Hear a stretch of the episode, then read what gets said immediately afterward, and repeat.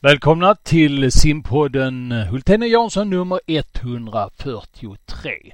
I denna simpodden Hultén och Jansson hälsar vi välkommen simförbundets förbundschef Mikael Jansson som dagens gäst. Efter samtalet eh, med Micke Jansson, ja då ska herrar eh, Hultén och Thomas Jansson eh, ge er lite nyheter från simningens värld och en hel del smått och gott i dessa orostider i mars anno 2020. Varmt välkomna!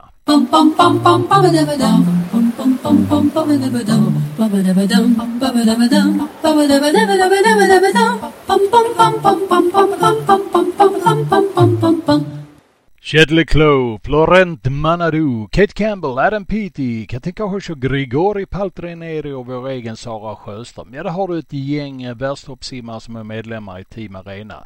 Undersök du också Team Arena genom att gå in på www.swimstore.se. Nu ska vi snacka simning. Ja, om de gör det bättre, det vet jag inte, men de gör det oftare. Det är ju omänskligt. Ja, det gör vi Bosse. Vi trummar på. Simpodden, Hultén och Jansson. Ja, jag är rätt sliten Mikael just nu, ska jag erkänna. Ja. Eh, två gånger Jansson framför oss. Ja, Ja. vi är, vi är nästan bröder. Precis. Ja, ungefär lika gamla, har ungefär samma åsikter. Ungefär lika mycket hår på huvudet.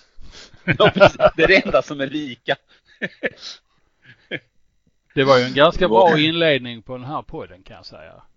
Eh, Ja, hur, går- vi- hur går det till? Hur brukar ni Ja. lägga upp det? Ja, alltså ehm, vi kör nu helt enkelt. Va? Okej. Och Så, Ja, inte eh, nu, men strax. Ja, men vi har börjat redan, Jansson, Thomas. Mm. Ja, jag tyckte det var en alldeles utmärkt inledning som eh, Micke bjöd på här, så vi kör på. Ja, Eh, det är tunnhåriga och äldre herrar och sånt där. Allting på en gång. Ja, men vi, vi kör och sen så klipper vi och klistrar vi lite sen i efterhand. Eh, och du Hur ser oss bägge två här. Jag ser. Hur länge brukar ni hålla på? 20-25 20, minuter 20. kanske. Ja. Klarar du det? Jajamän. Ja, vad bra. Då ska vi vara lite rappa i uh, käften. Det är vi ju inte vana vid annars. Så att eh, det är dags. Så jag tror att inspelningen fungerar också. Det är alltid eh, en fördel. Vi har ju varit, spelat in några poddar som vi har fått göra om. Men med vårt sätt att memorera ordet så har vi ju kunnat eh, memorera upp till 45 minuter utan att missa. Nej, lite överdrivet. Du Micke, eh, det var ett tag sedan som du kom till eh, simförbundet. Är det fyra år sedan eller hur, hur lång tid är det? Ja, det närmar sig fyra år. Ja. Mm. Och då kom du från ett annat eh, sportförbund, nämligen? Skyttesportförbundet. Ja. Vad inryms i Skyttesportförbundet? Det är ju med alla sportskyttegrenar egentligen utom nationellt pistolskytte. Alltså um, gevär, pistol, lerduva, uh, viltmålsskytte. Mm. Eh, Flera utav dem är olympiska grenar också. Ja, det, det är ju ni som firar första dagen på OS normalt sett när eh, Pia Hansen och Skanåker och andra skjuter så det står härliga till. Är det så? Eller är Skanåker inte med i leken där? Han har ju varit med ett antal gånger, ja. Eh, Och det brukar ju ligga tidigt på, progr- på programmet, det stämmer. Mm. Mm. Du, vad, vad har du gjort mer än att, jobbat? Ja, du är inne på ditt andra eh, förbundschefsjobb nu kan vi säga innan dess. Ja, precis. Det är ju i grunden samma uppgift som ska lösas som förbundschef så oavsett vilket idrottsförbund det handlar om. Mm.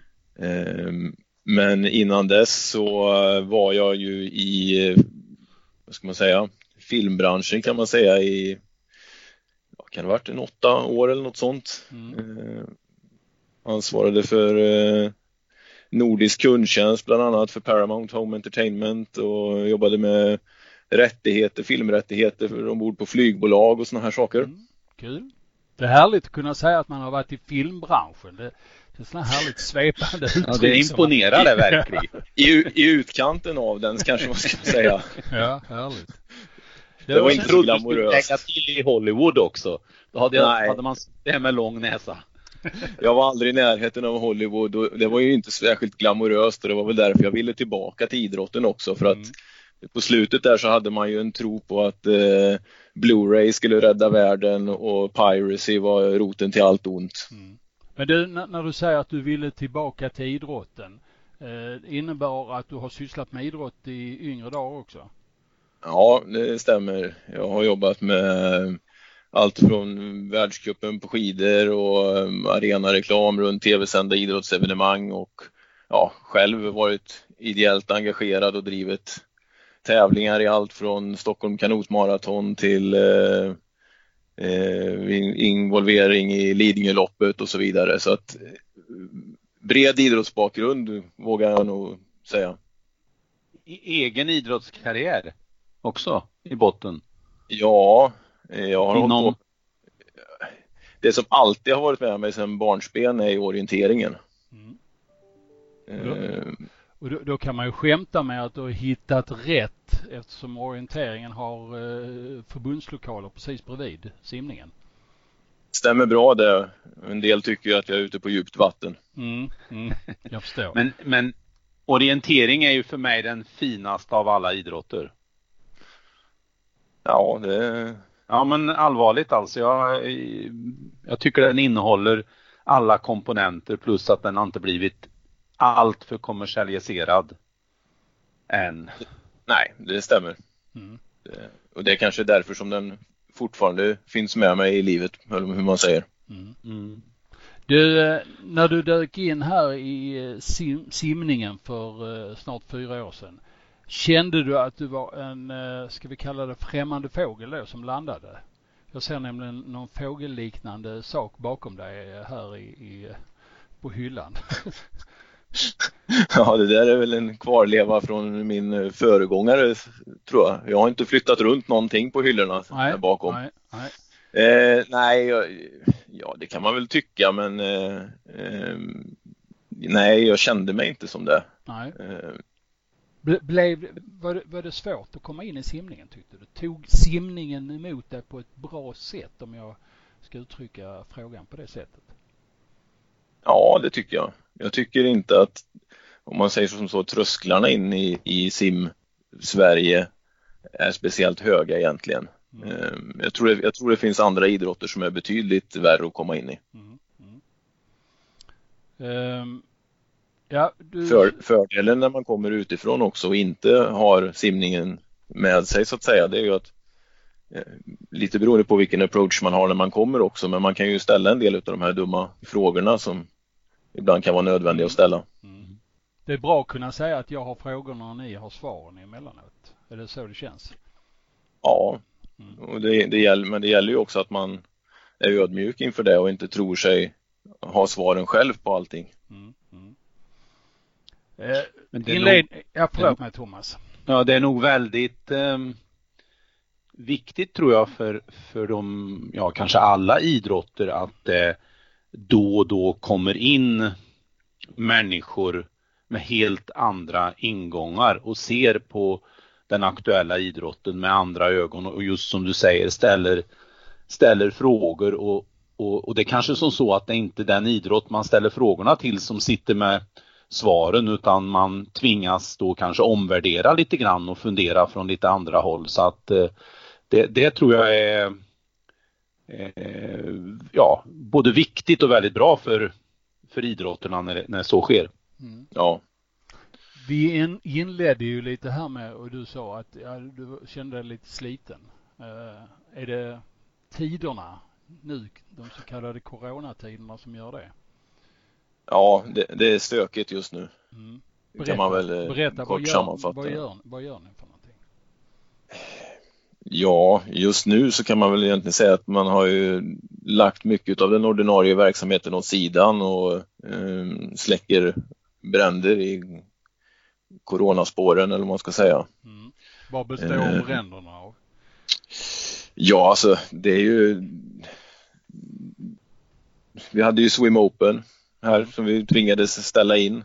Eh, vi har ställt in mycket annat också, alltifrån förbundsårsmöte till landslagsaktiviteter till eh, utbildningar och vattenpoloserier och såna här saker. Och, eh, det, det kan, kan, låta enkelt men det är mycket som blir ja, som kommer i kölvattnet av sådana beslut. Mm.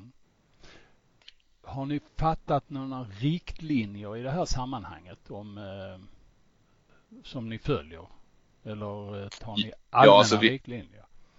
Alltså vi följer Folkhälsomyndighetens riktlinjer. Vi, eh, vi har varken, jag, jag är varken läkare eller sån här epidemiolog eh, till yrket så att eh, det är inte min sak liksom att göra sådana bedömningar. Mm. Mm. Ute på baden, hur, hur ehm, har man handlat där? Är alla badanläggningar, det vill säga simningens träningsställen, öppna fortfarande eller skiljer det sig åt? Jag höll på att säga, det där ändras nog från timme till timme numera men hittills tror jag att de flesta baden är öppna. Sen vet jag att man från vissa, i vissa kommuner nu börjar göra inskränkningar i simskoleverksamhet och sådana här saker.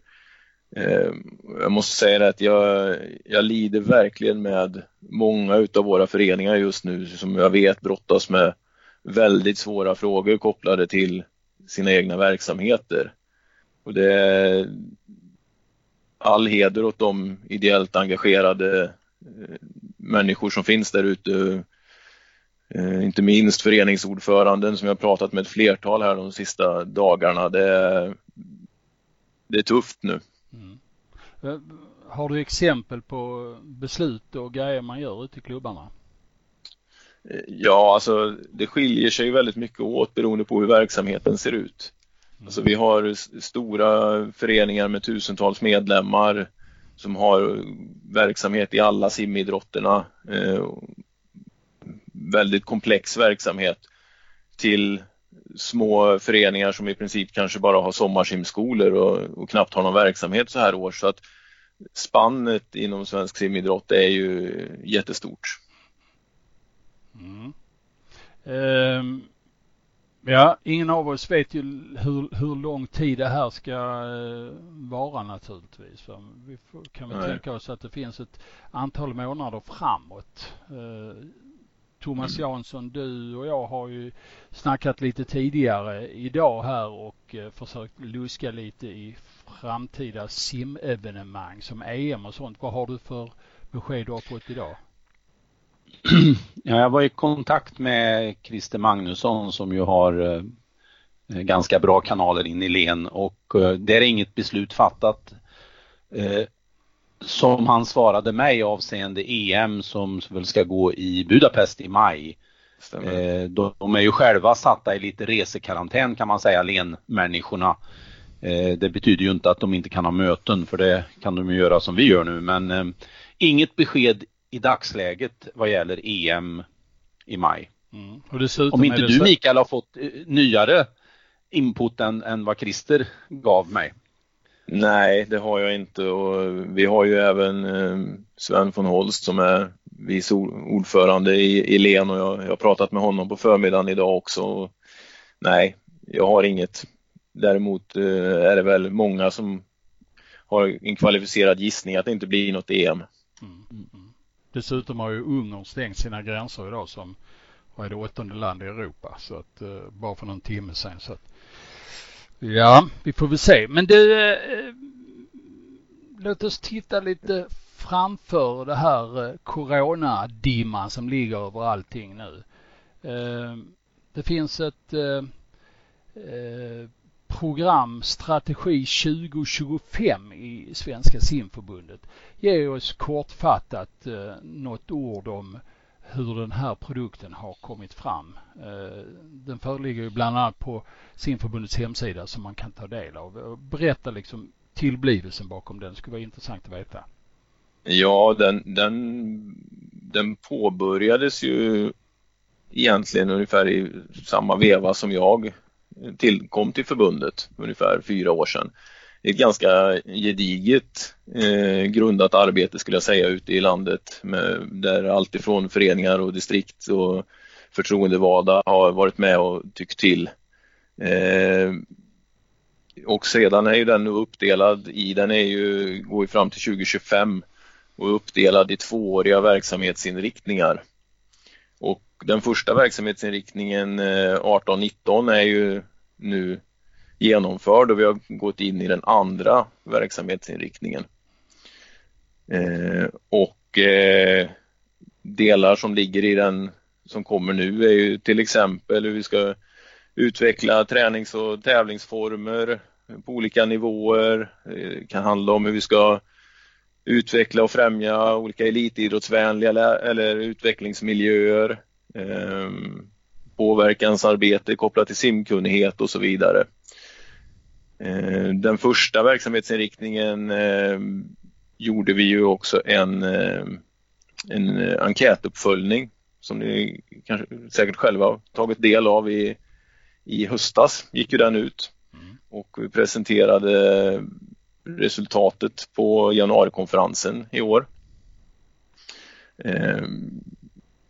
Första gången någonsin inom simidrotten där vi faktiskt frågar alla medlemmar eller gör en enkät till alla medlemmar.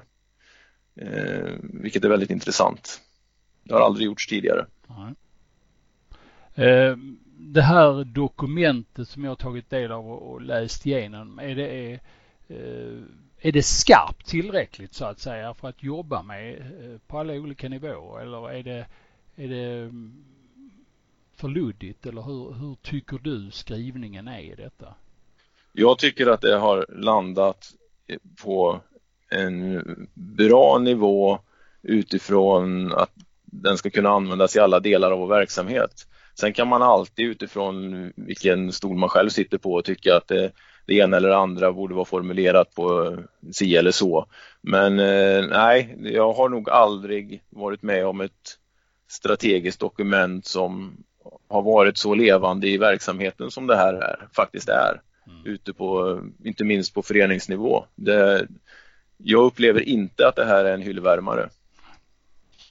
Eh, om jag har förstått rätt så är det väl RF va, som har eh, initierat det här till idrottsförbunden, eller?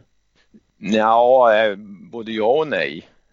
Alltså, de har ju en strategisk plan som ligger i samma tidsspann så att säga. Och det finns ju alltid en poäng med att takta i RF. Inte minst kopplat till eh, ekonomiska eh, stödmedel och sådana saker. Så att det, det, det är en med, med, medvetenhet man har lagt sig på samma tidshorisont eh, så att säga. Mm. Alltså när man, när man jobbar med ett dokument och sen när man ska titta på det och så titta på verksamheten så kan man ju ställa, ställa lite sådana här eh, ja, halvkorkade eh, frågor. På, på vilket sätt kommer simidrotten eh, simma fortare, hoppa bättre, tjäna mer pengar, vara mer synlig i media, eh, ha mer kontroll över eh, de simhallar man verkar i eh, tack vare det här dokumentet? Ja, det, var, det var ju väldigt övergripande fråga. jo, men i slutändan handlar det ju om, ja. om, man bryter ner det och tittar så vill, är det ju det vi, tar vi de som jobbar med simdelen av simidrotten så är det klart att de vill ju eh, växa numerärt, de vill simma fortare, de vill ha mer medel. Alltså rent konkret så är det ju där man landar till slut. Va? Ja. Om vi börjar med, med själva det strategiska dokumentet så är det ju så att eftersom det faktiskt är våra medlemmar och våra förtroendevalda som har varit med och tagit fram dokumentet så är det ju deras fokusområden som finns med i dokumentet. Det är ingen som har suttit på någon kontorstol och hittat på de här grejerna utan sen är det ju så att så jobbar vi i riktning med de här så är ju det i sig en del i fokuseringen. Eh, sen de andra delarna som du är inne på med, eh, med, med media och synlighet och de här delarna det, det är ju inte direkt det som syns i det strategiska dokumentet. Det vill säga synlighet i media lyftes inte fram som ett fokusområde i den strategiska planen. Därmed inte sagt att det inte är viktigt. Mm. Alltså frågan kunde ju uppfattas som att jag då skulle vara emot att man jobbar med sådana här frågor och då vill jag direkt korrigera Nej. det för att jag var med på några träffar i Eskilstuna eh, och vi var bland annat uppe i Kolsva en helg och det var både nyttigt och inspirerande och, och, och lärorikt. Men det är klart även vi ställde oss frågan lite grann vad, vad hur, hur, hur i slutändan kommer vi kunna mäta att vi har blivit bättre? Mm. Vi är ju gärna lite så fokuserade på att, att kunna mäta. Absolut, och det har ju, ja. det har ju varit en av de stora utmaningarna i det här för att det vi vill, vi, vi har sagt hela tiden är ju att vi vill se en förflyttning snarare än att mäta enskilda nyckeltal. För då blir det lätt att du jobbar emot de talen och eh, inte ser förflyttningen som helhet. Och det var lite därför vi också gjorde den här medlemsenkäten. För att gör vi den medlemsenkäten efter varje tvåårig verksamhetsinriktning så kommer vi ha eh, ett antal sådana att kunna jämföra med och se om vi har gjort en förflyttning eller inte för hela rörelsen som sådan. När du tittar övergripande på hela det här paketet och allt det som har diskuterats, som har förberetts eh, eh, för att definiera själva paketet. Vilken är den viktigaste frågan för eh, Simsverige, ser du? Är det, går det att svara på den frågan eller är det allt viktigt? Det, det, allt är viktigt men allting är inte verksamhetskritiskt. Om man kan säga så. Mm. Men jag tror att en, en, vikt, en, en väldigt viktig del framåt det är ju eh, eh ledarsidan mm. skulle jag säga. Mm. Alltså eh, ja, oavsett vilken nivå det är i vår verksamhet så, så är det, det är ett viktigt område. När eh, du själv stoppar upp fingret och känner vad eh, vinden blåser när det gäller just eh, försörjningen av ledare, hur, hur känns det då tycker du? Ja, jag höll på att säga, jag har varit med för kort tid in, inom simidrotten för att eh, jämföra med hur det var förr eller något sånt. Det kan, det kan jag inte göra. Eh, jämför jag med andra idrotter så, så finns det definitivt de som har det värre ska man säga. Mm. Eh, vi har ändå en fördel i att vi har en, eh, en arbetsmarknad kopplad till våra ledare, ett ganska stor del i föreningarna. Det är få individuella idrotter förunnat att ha det så. Plus att vi eh. har en, en tradition att rekrytera ganska unga människor också in till vår verksamhet. Så försörjningsbiten är, är relativt hyfsat försörjd där kan man tycka. Men ja, om jag inte bara ska vara frågeställare så jag tycker nog att det kanske är den viktigaste frågan man eh, funderar runt. Hur, hur länge ska, ska ledarna räcka till för att hålla igång och utveckla simningen? Mm. Jansson Thomas. Det, jag säger ja. Jansson oftast här men det kan bli lite fel. Thomas, eh, du eh, ville komma in. Eh, nej, jag var, jag var lite nyfiken på eh, vad som ingick i ordet eh, ledare där, om det handlade om, men delvis kom ni in på det, om det handlade om numerären av antal ledare som är för få eller svåra att fånga om vi exkluderar dem som ju dock ändå är i en minoritet, de som är anställda, eller handlar det om eh, kompetensen på ledarna eller handlar det om att eh, vi har en snedfördelning, att vi har mycket kvinnliga ledare för de små men mycket manliga ledare för elit eller är det alla de här bitarna eller finns det fler kring ledarförsörjningen att beakta? Nej, jag tycker du sätter ord på, för det är som sagt det är inte bara en del utan det är flera delar inom eh, ledar framtiden i det här. Och det, det, handlar ju också om till exempel att även de som är anställda, att de får en dräglig tillvaro eh, i sin yrkesroll, att de orkar. Vi har ganska många idag som, som har en lite för stor börda på sina axlar och in, helt enkelt inte orkar med. Eh, tränarroller till exempel. Hållbarhetsfrågor, frågor, ja, precis. anställningar och sånt där. Ja. Du, en annan grej som har legat mig varmt om hjärtat under många år, det kanske du kan gissa dig till vad jag tycker då, anläggningar. Eh, hur, hur, är din känsla här eh, och vad tycker du? Nu ställer jag frågan vad du tycker eh, om det här med att eh, det, andelen privata driftsägare blir bara större och större och på något sätt eh, i paritet med detta så minskar inflytandet för simklubbarna eller har jag fel? Eh, det är väl lite olika det där. Alltså det privata behöver inte vara fel i sig men det, det krävs ju då att man redan, för ofta går man ju över från kommunalt till privat på något sätt och att man då redan i den övergången ser till att ta tillvara eller tillgodose föreningarnas och simidrottens intressen i det här. Så att man inte gör en upphandling där man inte har tänkt på föreningarnas förutsättningar. Så att det behöver ju inte vara fel och många ställen fungerar det bra på men har man inte tänkt på det från början så, så kan det gå snett. Mm. Ansvar ligger väldigt starkt på kommunerna där naturligtvis att de eh, sköter det här på ett sådant sätt så att alla eh, intressenter tillgodoses. Mm. Mm. Det... Om, om du skulle värdera hur klubbarna har det ute i, i landet eh, när det gäller att eh, få det utrymme till de låga pengar man önskar i, i baderna. Är det på en tillfredsställande nivå eller är det djupt otillfredsställande eller är det på en bra nivå eller är det jättebra?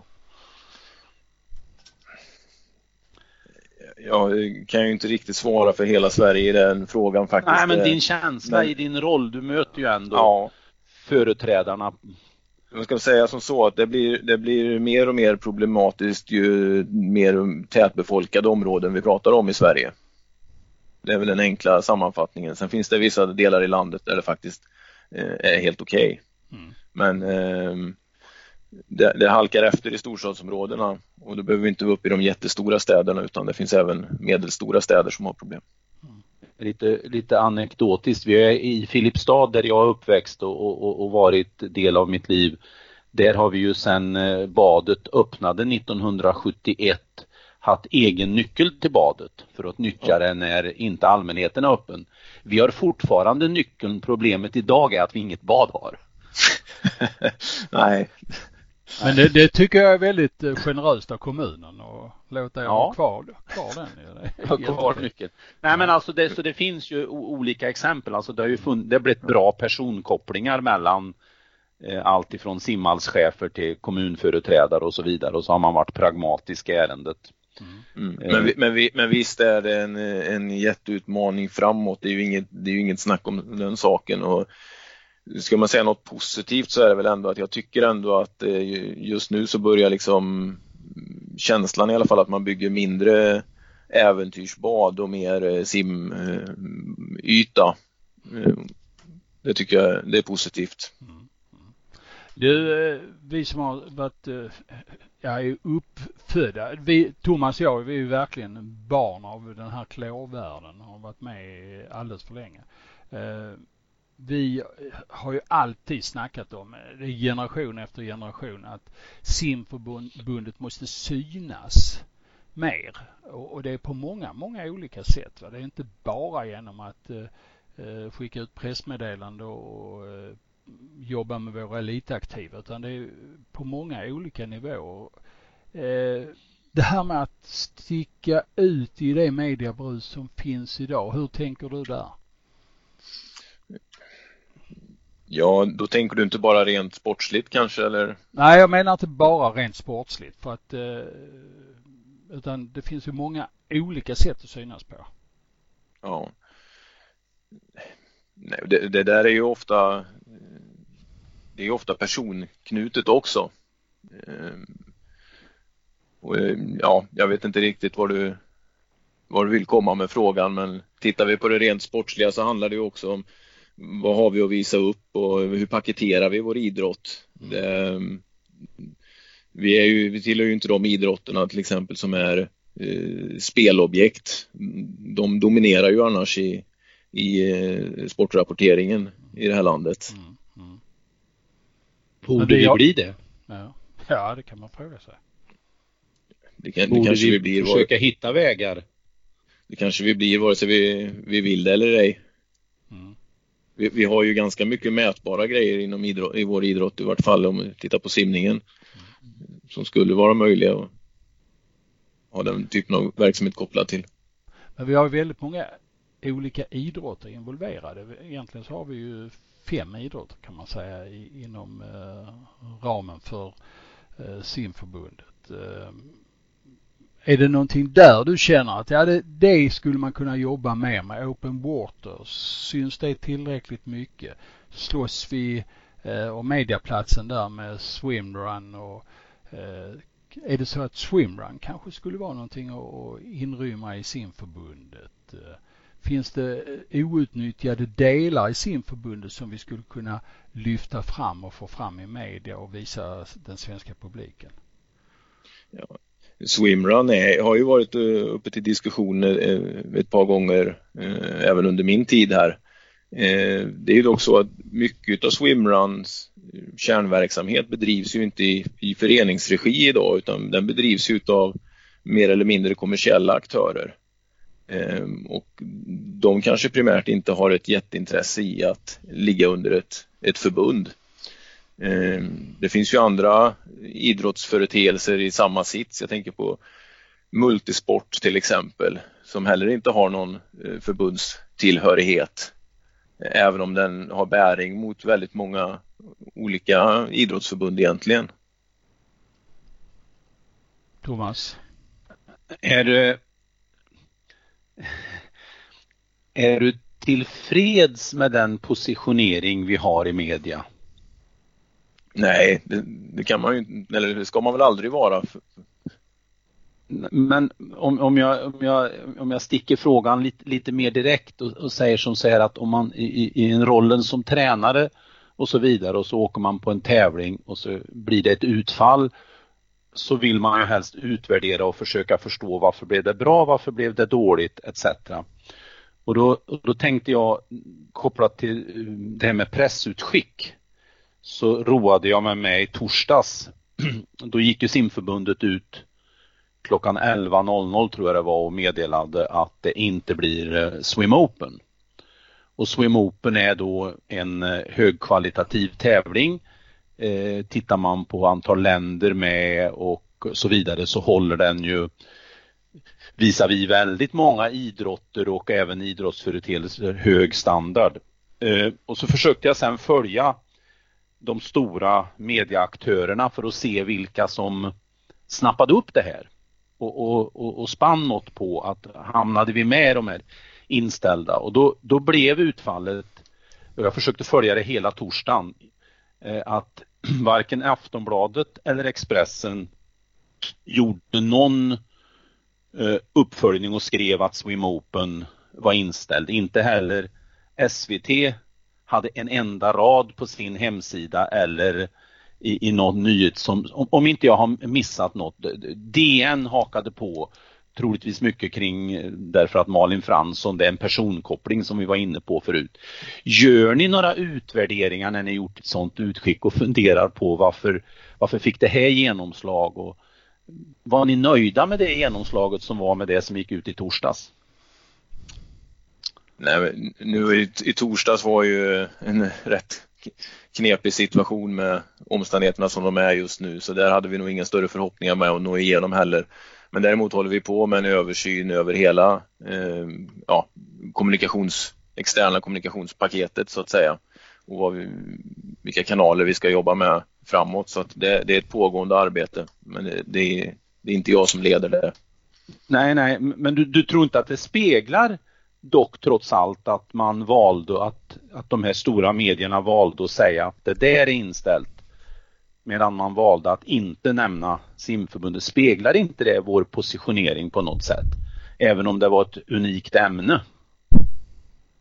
Jo, men vi är, vi är inte på, på den nivån i dagsläget att vi jämförs med att ställa in eh, spanska ligan eller Premier League eh, som kom samma dag. Tyvärr. Nej, det har ju varit extrema förhållanden nu mm. eh, naturligtvis. Eh, om du skulle, lite avslutningsvis här, vilja lyfta fram något. Vi glömmer corona, vi glömmer eh, eh strategiplaner 25, 2025 och, och sånt här. Om du skulle vilja plocka fram någonting som det här skulle vara väldigt spännande att jobba med i simförbundet. Det är någonting jag har grunnat på under de här åren jag har jobbat här någonting som skulle kännas väldigt intressant att jobba med och lyfta fram? Nu får du chansen Micke. Ja, jag eh, helt, helt ärligt så är det lite svårt just nu att, att tänka utanför den här eh, coronadimman. Eh, det blir lite att man hamnar i, i nuet. Men det finns ju några sådana här frågor som jag har ställt sedan jag kom. Sådana här varför en simmare till exempel inte kan anmäla sig själv till en tävling utan att allt ska gå genom tränaren. Mm. Apropå hur, hur tränarens eh, vardag ser ut. Mm. Den gillar jag. Jag är helt enig med dig att det är väldigt märkligt förfaringssätt vi har. Mm. Har du något mer? Nej, men det finns, det, det där är egentligen, man kan tycka att det är en liten detalj, men den säger en hel del om, om simidrotten mm. ändå. Att individen eh, inte tar tillräckligt mycket ansvar själv? Ja, det, det ligger någonting i det och alltså den där skulle underlätta. Jag tror att vi skulle få bättre simmare. På, inte av den, bara den anledningen, men på det spåret. Och vi skulle få en bättre tillvaro för våra tränare, eller en humanare tillvaro så att det, det, finns en hel del i det där. Men eh, jag har en liten, eh, ja, droppen får väl urholka stenen där. Mm. Men det, är en det frigör ju en massa tid. Mm. Det frigör ja. en massa tid för tränarna förstås. Ja. Du Thomas har ju varit inne på ungefär det här tankesättet ett mm. antal gånger att individen ska ta mer ansvar själv för sin verksamhet som man till mm. exempel gör i orientering. Ja, och att tränarna får ägna sig åt att vara tränare och inte vara administratörer. Mm. Ja. Mm. Ja. Ja, spännande. Ja, vi, där, vi... där, finns det nog en del. Mm. mm. Bra. Micke, du har mycket att göra. Thomas Jansson, du har inte lika mycket att göra. Så du, du, eh, Nej, men jag ville visa er lite grann hur eh, inbjudande ser ni sjöutsikten? Mm. Det ser skönt, skönt ut. Ja, när ska du så arrangera ett open jag det när jag sitter här och rullar tummarna på dagarna. Ja, jag tänkte säga, när ska du arrangera ett open water där? Jansson, 8 Thomas. augusti. Okej. Okay. Då tycker jag du ska bjuda in Micke för eh, jag tror att han har faktiskt eh, våtdräkt och då är han vältränad. Ja, våtdräkt har jag i alla fall. anmälningsavgift. Ja, men det är härligt med det här. Jag tackar så hemskt mycket för ert deltagande i uh, detta lilla samtal. Uh, önskar dig Micke god fortsättning och hoppas att uh, allt hemskt och jobbigt runt det här snart ska ebba ut och att ni får fokusera på, på rätt grejer igen. Tack så mycket för att du ja, var med. Vi, tack, vi ses på andra sidan tack. eller vad säger man? Ja, ungefär. tack och hej! Hej! Hej!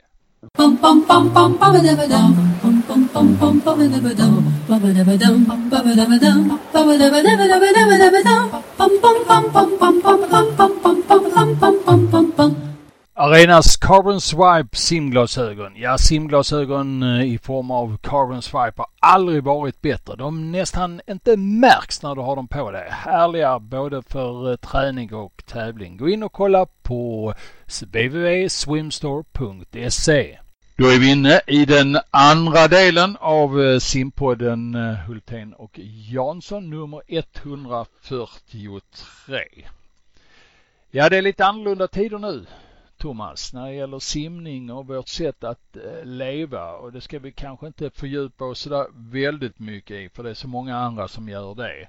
Utan låt oss inleda med att göra en liten tillbakablick på vad som har varit här senaste perioden. Mm. Kan det vara så?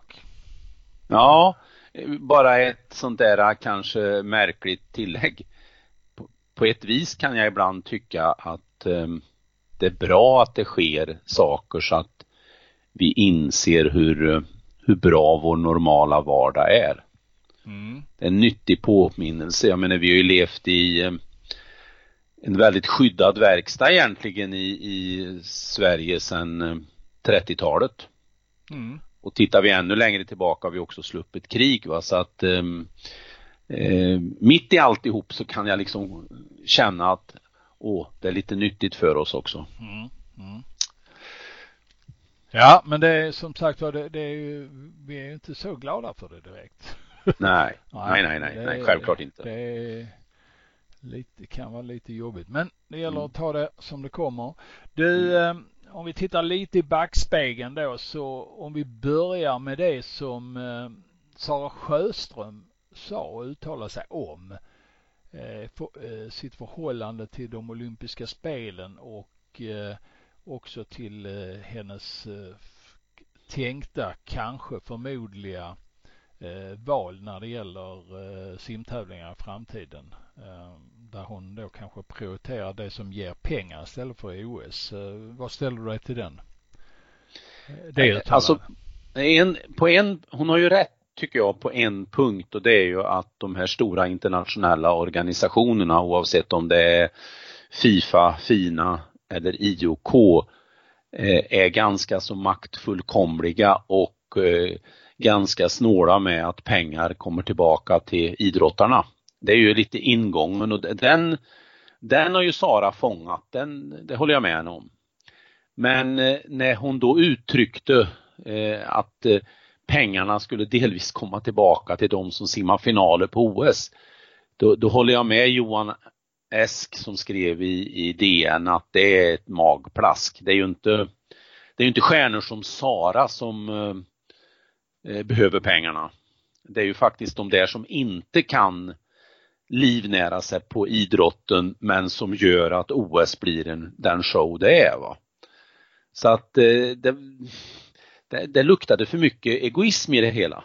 Och det var trist tycker jag. Har hon eh, klarat av att krångla sig ur det greppet och det magplasket tycker du med de uttalanden hon har gjort efteråt?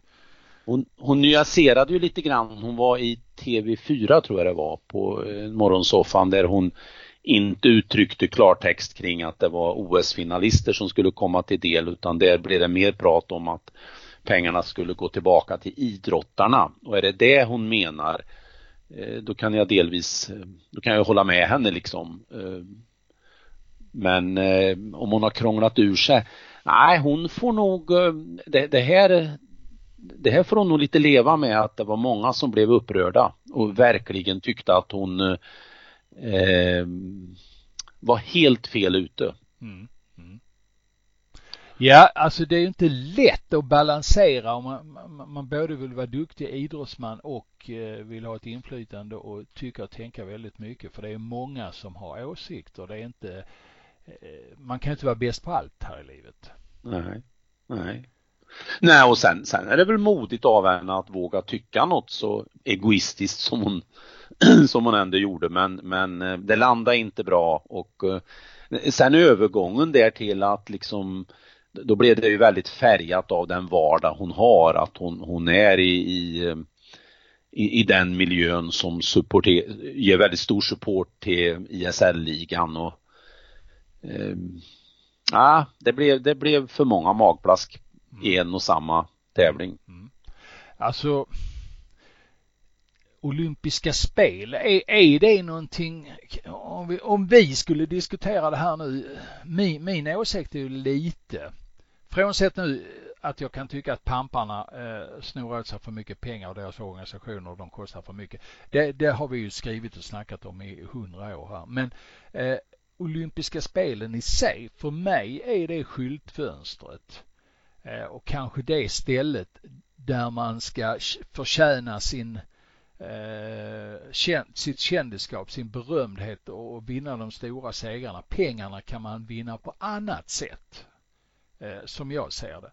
Och kopplat till framgångar på OS finns ju också pengar, fast pengarna kommer från, från andra ställen. Jag, jag, jag ser ju OS mer som det stora skyltfönstret. Mm, och lite Kubertän-anda ska det ändå vara. Mm. Med ett OS och, och det här att eh, inte pengarna får styra den tävlingen, den är oerhört viktig tror jag för, för idrotten som företeelse i ett större perspektiv. Mm. Mm. Eh, ja, får vi det se var... om det blir fler ingångar på det där ämnet. Ja. Men du, eh, blir det olympiska spel? i år.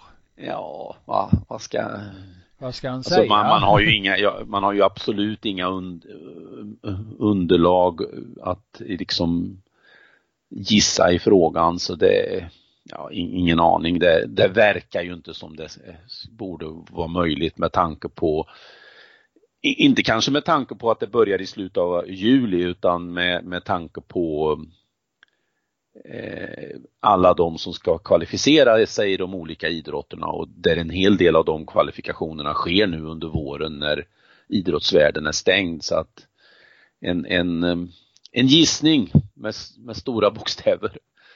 Nej, det kanske inte blir något. Eh, jag fick ett brev häromdagen från italienska landslagsledningen med, med lite frågor och, och funderingar och eh, det känns, eh, det är väldigt desperat i Italien där man nu jagar eh, pestbefriad vattenyta att träna i och på så sätt eh, utsätter simmarna för ytterligare exponering och att de inte får liksom ja, landa i det här med att hålla sig undan utan exponera sig ännu mer och de är ju helt förtvivlade över att man inte har stoppat olympiaden ännu. Och jag kan tycka att ja, det är som du säger att det går i slutet på juli, början på augusti. Det, det kommer säkert kunna vara så att själva tävlingarna kan genomföras på ett vettigt sätt. Men allting som finns i förväg, uttagningar, träning, allting, det kommer ju att bli väldigt drabbat. Alltså får vi olympiska tävlingar som inte lever upp till det som vi vill helt enkelt. Men jag skulle ändå lägga in den brasklappen och säga som säger att man ska nog vänta fyra veckor innan man eh, Eh, tar beslutet. Var, var, befinner sig Corona då? Va? Har det, är det så att det lättar på trycket så att det kan börja genomföras tävlingar andra delen av maj till exempel? Då öppnar det upp för att ändå kanske, eh, om vi tittar på vår egen idrott, att länderna ska ha möjlighet. Men ja, den som lever får se Bosse. Ja, det är ju det vi hoppas naturligtvis. Eh, mycket tävlingar eh, är borta från kalendern nu. Swim Open, eh, Helsinki Swim Meet, eh, Bergen simfestival, NC2As. Vi ska väl berätta då att det var ett gäng svenskar som hade kvalat in till NC2As division 1. Det var ju Max Burman, simhopparen. På en och tre meter hade han kommit in. Börjar med simhopp idag. Sen bland herrarna Viktor Johansson, Samuel Törnqvist, Karl Arvidsson och Marcus Holmqvist. Marcus då i lagkapp. Eh, och så på damsidan eh, Alma Tormalm, Klara Tormalm, Sofie Hansson, Louise Hansson. Rätt kul med två syskonpar där med tjejer. Mm. Och så Hanna Brunsell. De eh, fem plus fyra killar plus en hoppare, sammanlagt tio stycken svenska simidrottare hade kvalat in till NCAAs. Rätt mm. hyfsat. Det är det. Det är ju, det är ju en oerhört eh, vad ska vi säga, prestigefylld och stor tävling för vår idrott. Det, den tillhör ju liksom om man skulle ta all, alla former av tävlingar i Europamästerskap och, och Eh, ja, olika sådana, eh, vad heter det nu, världsdelsmästerskap och VM och OS så tillhör ju NCAA i simningen topp 10-12 bland tävlingar i världen. Mm. Eh, det finns ju sen divisioner under eh, NCAAs också och eh, det är eh, division 2 till exempel där vi hade åtta simmare. Den där tävlingen den höll ju på i tre pass där bland annat Rika Dahlgren tog ett brons på 16.50 eh, fritt. Och, eh, Emma Sundstedt simmar väl ganska bra också. Eh, men sen blev den bruten den tävlingen och väldigt synd för mm. eh, Simmas webbsida som precis skulle få ett eh, foto med alla svenska deltagarna. Eh, men det var väl det minst viktiga i sammanhanget. Men den blev bruten där så de fick ju eh, sluta sin säsong abrupt. Mm. Mm. Men du nämnde Viktor förut. Han har ju varit i vattnet och simmat också men tog väldigt lång tid på sig. Ja, han gjorde det. Han var med på Pac 12. Mm. Eh, här varianten där som gick i Federal Wave eh, den tredje till sjunde var det väl någonting dit. Mm. Simmade verkligen inte bra. Nej. Eh, Exceptionellt dåligt skulle jag vilja uttrycka och nu har vi ju inga ingångar vad det eventuellt kunde ha berott på om det fanns någon sjukdom och så men tittar man bara resultatlistan så blev jag bedrövad och om jag sen lägger till att det var en, en, en fågel som viskade under senhösten till mig att eh, laget där Viktor är, de kommer att få problem. De har ingen de har ingen bra träningskultur där. Det där är inte bra för Viktor. Så klart, då, då, kände jag att, nej men gud, hade den här fågeln helt rätt i det här antagandet? Mm. Så man blir lite bekymrad. Ja, 40 sekunder över uh, det personliga rekordet på 1650 yards och det är rejält och det är ett förlorat år definitivt för uh, Viktor som nu får ett andra år som inte går bra efter en ryggskada i fjol. Mm. Men han är ju gäst hos oss och vi ska ju ha honom med här så småningom så då kanske han eh, bringar klarhet i det här och mm. då kanske vi förstår mm. varför det gick så sakta. Ja. Du, Karl Arvidsson simmar ju bra. Ja. Eh, visserligen har vi skrivit att han slog svenskt rekord med 52 och 60. Det är en sanning med väldigt stor modifikation, eller rättare sagt det är eh, fake news. För att han har gjort 52 och 59. Eh, det hjälpte eh, pappa Per Arvidsson oss med att rätta så att det var inget svenskt rekord. Men han, han var ju eh, bara hundradelen ifrån i alla fall. Och det var ju bra. Mm. Och ja, ja, eh, absolut. Sen var han en och en halv sekund över det svenska rekordet på 200 yard. Så han, mm. ja, han var ju på gång där. Mm. Berkeley simmar väl han för va? Ja, Cal University of California i ja. Berkeley. Cal. Det anrika. Yes sir. Ja, men det har varit tävlingar i Sverige också va? Ja. Grand Prix i Malmö. Den mm. enda nuvarande eh, eh, GP-tävlingen i Malmö. Tidigare hade vi en serie av GP-tävlingar. Nu har vi bara den som är i Malmö. Och det är väldigt trist kan jag tycka. För vi kanske skulle haft eh, fler GP-tävlingar.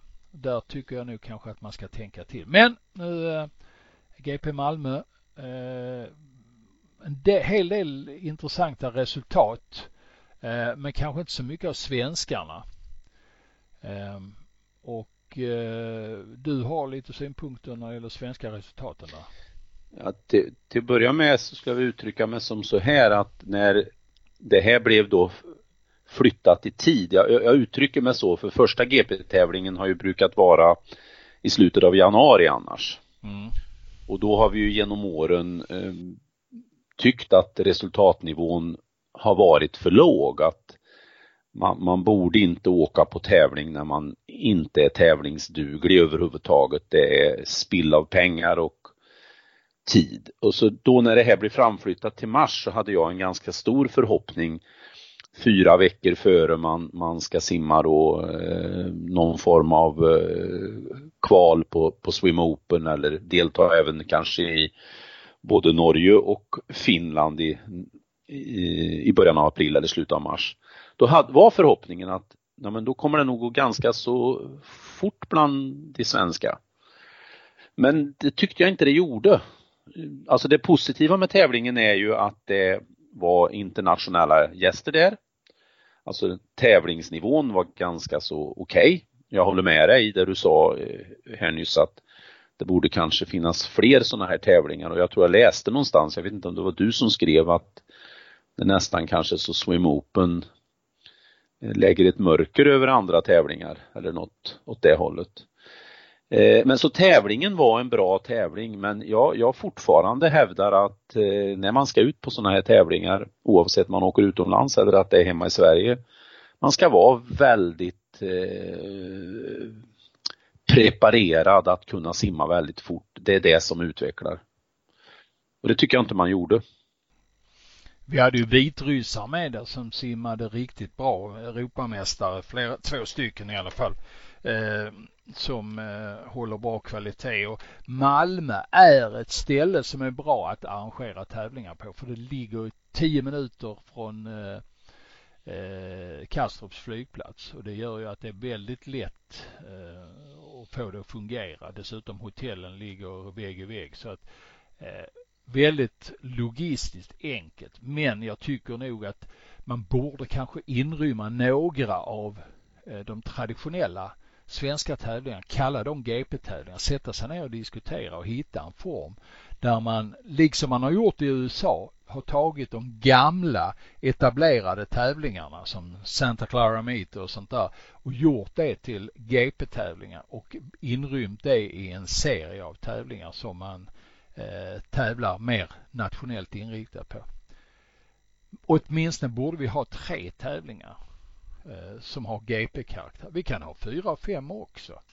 Eh, för att jag tror det är viktigt, och det har vi snackat jättemycket om, just det här att man tävlar. Va? Och styr man upp det eh, och kallar det GP-tävlingar så tror jag att tävlingen får bättre status, man lockar folk. Men då gäller det att hitta hitta tävlingar som man kan få till det med. Mm.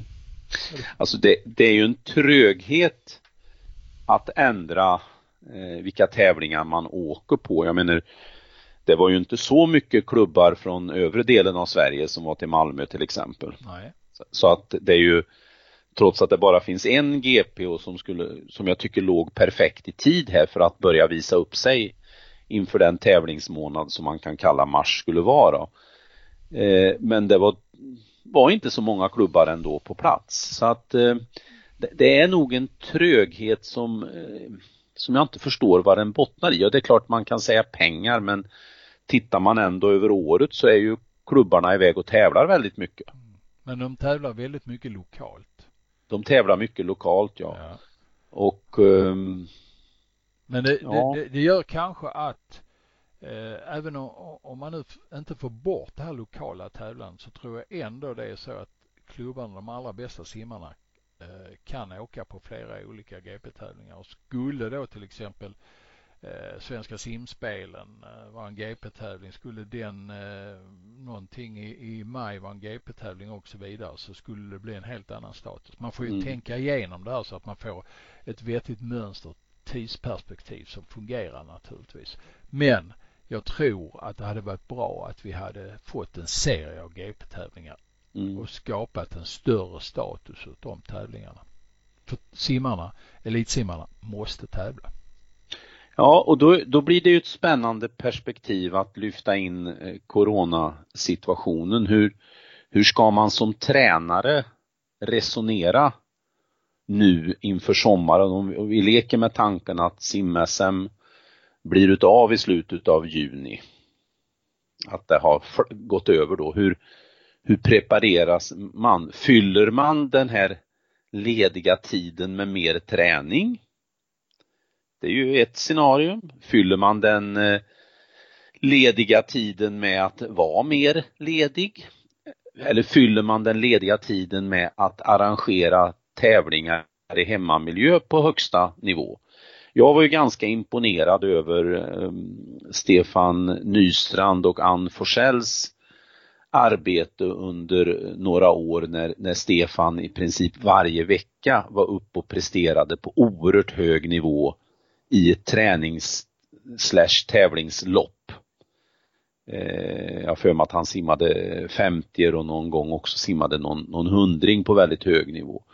Och det tror jag eh, skulle vara vägen, om, om jag skulle stå där nu och, och se att helt plötsligt blir det tomt i kalendern vad gör jag då? Ja, jag skulle nog försöka att skapa tävlingssituationer hemma för att inte tappa bort den här nerven. Men då gäller det ju att det är vad ska vi säga, det, det är tävlingsdräkt på, det är fullt adrenalinpåslag, det ska vara på riktigt.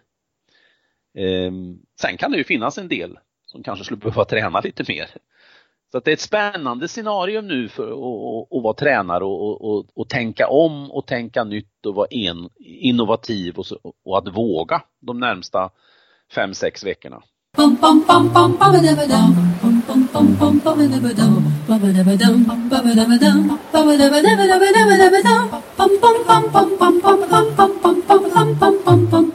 Bästa materialet baddräkter för träning och tävling, badbyxor också för träning och tävling i materialet Carbon Flex. Det är härliga prylar det. Gå in och kolla mer på swimstore.se. Så är det. Ja, du blir uh, alldeles mållös. Ja, nej men jag tänkte, har jag någon uh, replik i det här sammanhanget? Men jag tyckte du täckte upp uh, det här väldigt bra. Jag hade inte mer att tillföra. Det ska jag se som Nej, ett beröm nej. Jansson. Du vet. Ja, Men tack för det. Det är inte ofta jag är tyst Nej, efter du har nej. snackat. Nej, nej, Nej. precis. nej, men, eh, nej, men det, det, vi går till spännande tider och, och någonstans finns det ju eh, i någon mening en, en riktighet i att eh, ur lite kaos kommer det ganska bra saker. Mm. Det kan det ju skapas ur det här också. Mm. Jaha, hade vi något mer att snacka om? Nej, ja, det kanske, det kanske är bra.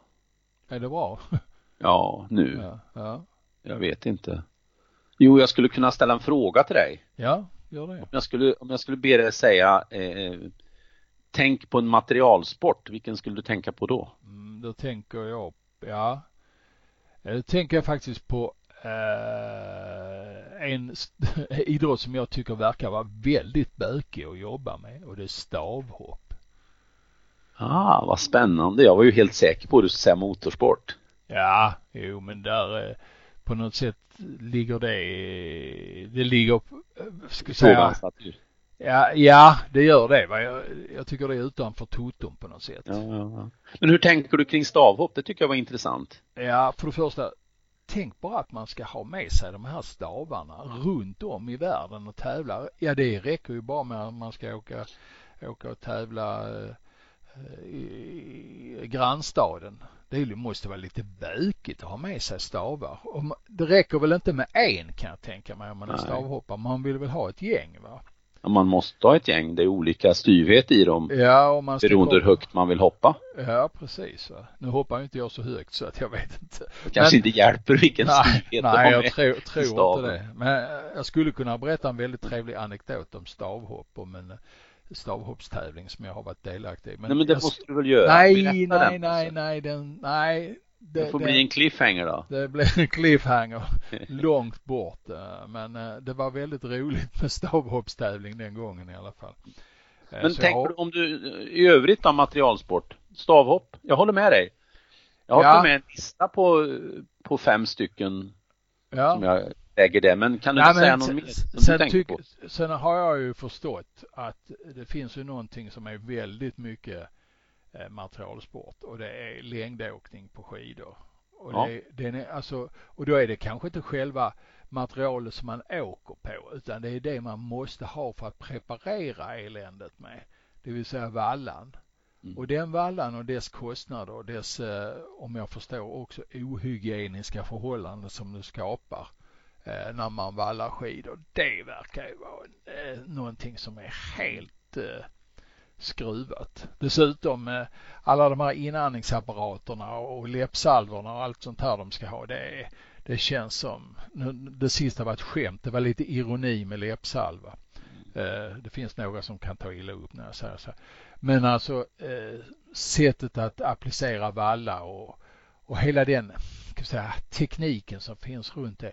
För mig är det totalt skruvat. Det, och det är nästan värre än de här gummidräkterna vi hade fram till 2009 i simningen.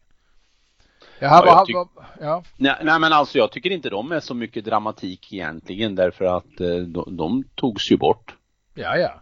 Ja, Idag jag, inte jag, jag klassar inte simningen som eh, materialsporten. Skulle jag ta en lista skulle jag säga motorsport förstås. Jag skulle säga ridsport. Ja. Två sporter som dessutom är väldigt dyra. ja. Eh, Men vad är det i, eh, i ridsporten som är så mycket material då? det är ju hästen. Ja, ju, ja men det förstår man ju. Det, det är ju Ja men alltså, ja men det är ju det som är poängen. Det är ju svårt att värdera. Ja. Eh, Alltså, eh, vad, vad är vad när prestationen är gjord? Mm, Är det tack vare att man har en, en väldigt bra häst? mm. En, Alltså- Cyklarna kostar över 100 000 på, eh, på Ja. touren. Mm. Cykel är också en materialsport men jag inbillar mig att det är större variation på hästmaterialet Ja. än cykelmaterialet. och det kostar ju mycket mer naturligtvis. Ja, ja absolut. som motor. Sen, sen nämnde du skidor, alltså det är ju en helt det är ju verkligen en materialsport. Den, den blir ju totalt ointressant därför för att eh, åker man långsamt då är det fel på någonstans på materialet oftast. Mm. I Ja, ja. alla fall så som det beskrivs och då Ja. blir det ju väldigt trist. Mm. Eh, och sen nämnde du stavhopp. Eh, det är ju en intressant resa stavarna har gjort och, och just det här eh, kopplingen till att du kan egentligen själv bestämma att ska jag hoppa den här höjden då måste staven vara så här eh, styv och då måste jag kunna bygga upp de här olika kapaciteterna för att kunna hantera att bli få den här katapulten mm. att kasta mig över rätt höjd. Så att det är ju en, blir ju en materialsport. Men sen tycker jag, eh, men då dissar du ju det, jag tycker ju att vi tränare eh, i alla olika idrotter, vi är ju händerna på det material vi har. Mm. Så att vara tränare är verkligen att ge sig in i branschen materialsport. Okej. Okay.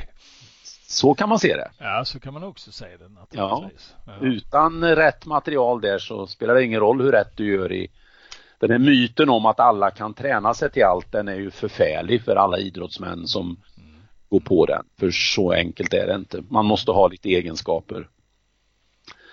Jag skulle ge en miljard till den som skulle forma mitt bröstsim till ett världsklassigt bröstsim. Mm. En ja. miljard? Ja, det går, för det går inte. Uh... Jag skulle aldrig kunna. Kroppen är fel och vinklarna ja, är Ja, ja, men ja. Ja. Ja. ja. Ja, så är det. Men du, nu, hur hamnar vi på det här spåret? Jag vet inte. Det, jag, det, kän, det känns som eh, vi måste hitta en eh, utväg, en, en ja. dörr ut ur det här. Och det tror jag vi ska hitta just nu. Yes. Eh, vi tar den dörren och bakom nästa dörr så finns simpodden Hultén och Jansson nummer 144 som inträffar någon gång, inte för långt bort förhoppningsvis. Nej. Och därmed tack och eh, bock för idag. Så hörs vi. Hej hej. Tackar. Hej.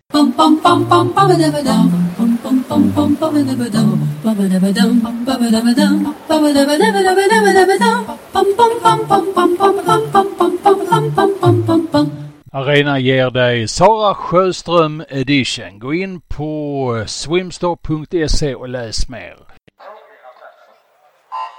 Nu ska vi snacka simning de gör det bättre, det vet jag inte, men de gör det oftare. Det är ju omänskligt. Ja, men det gör vi Bosse, vi trummar på. Simpodden, Hultén och Jansson.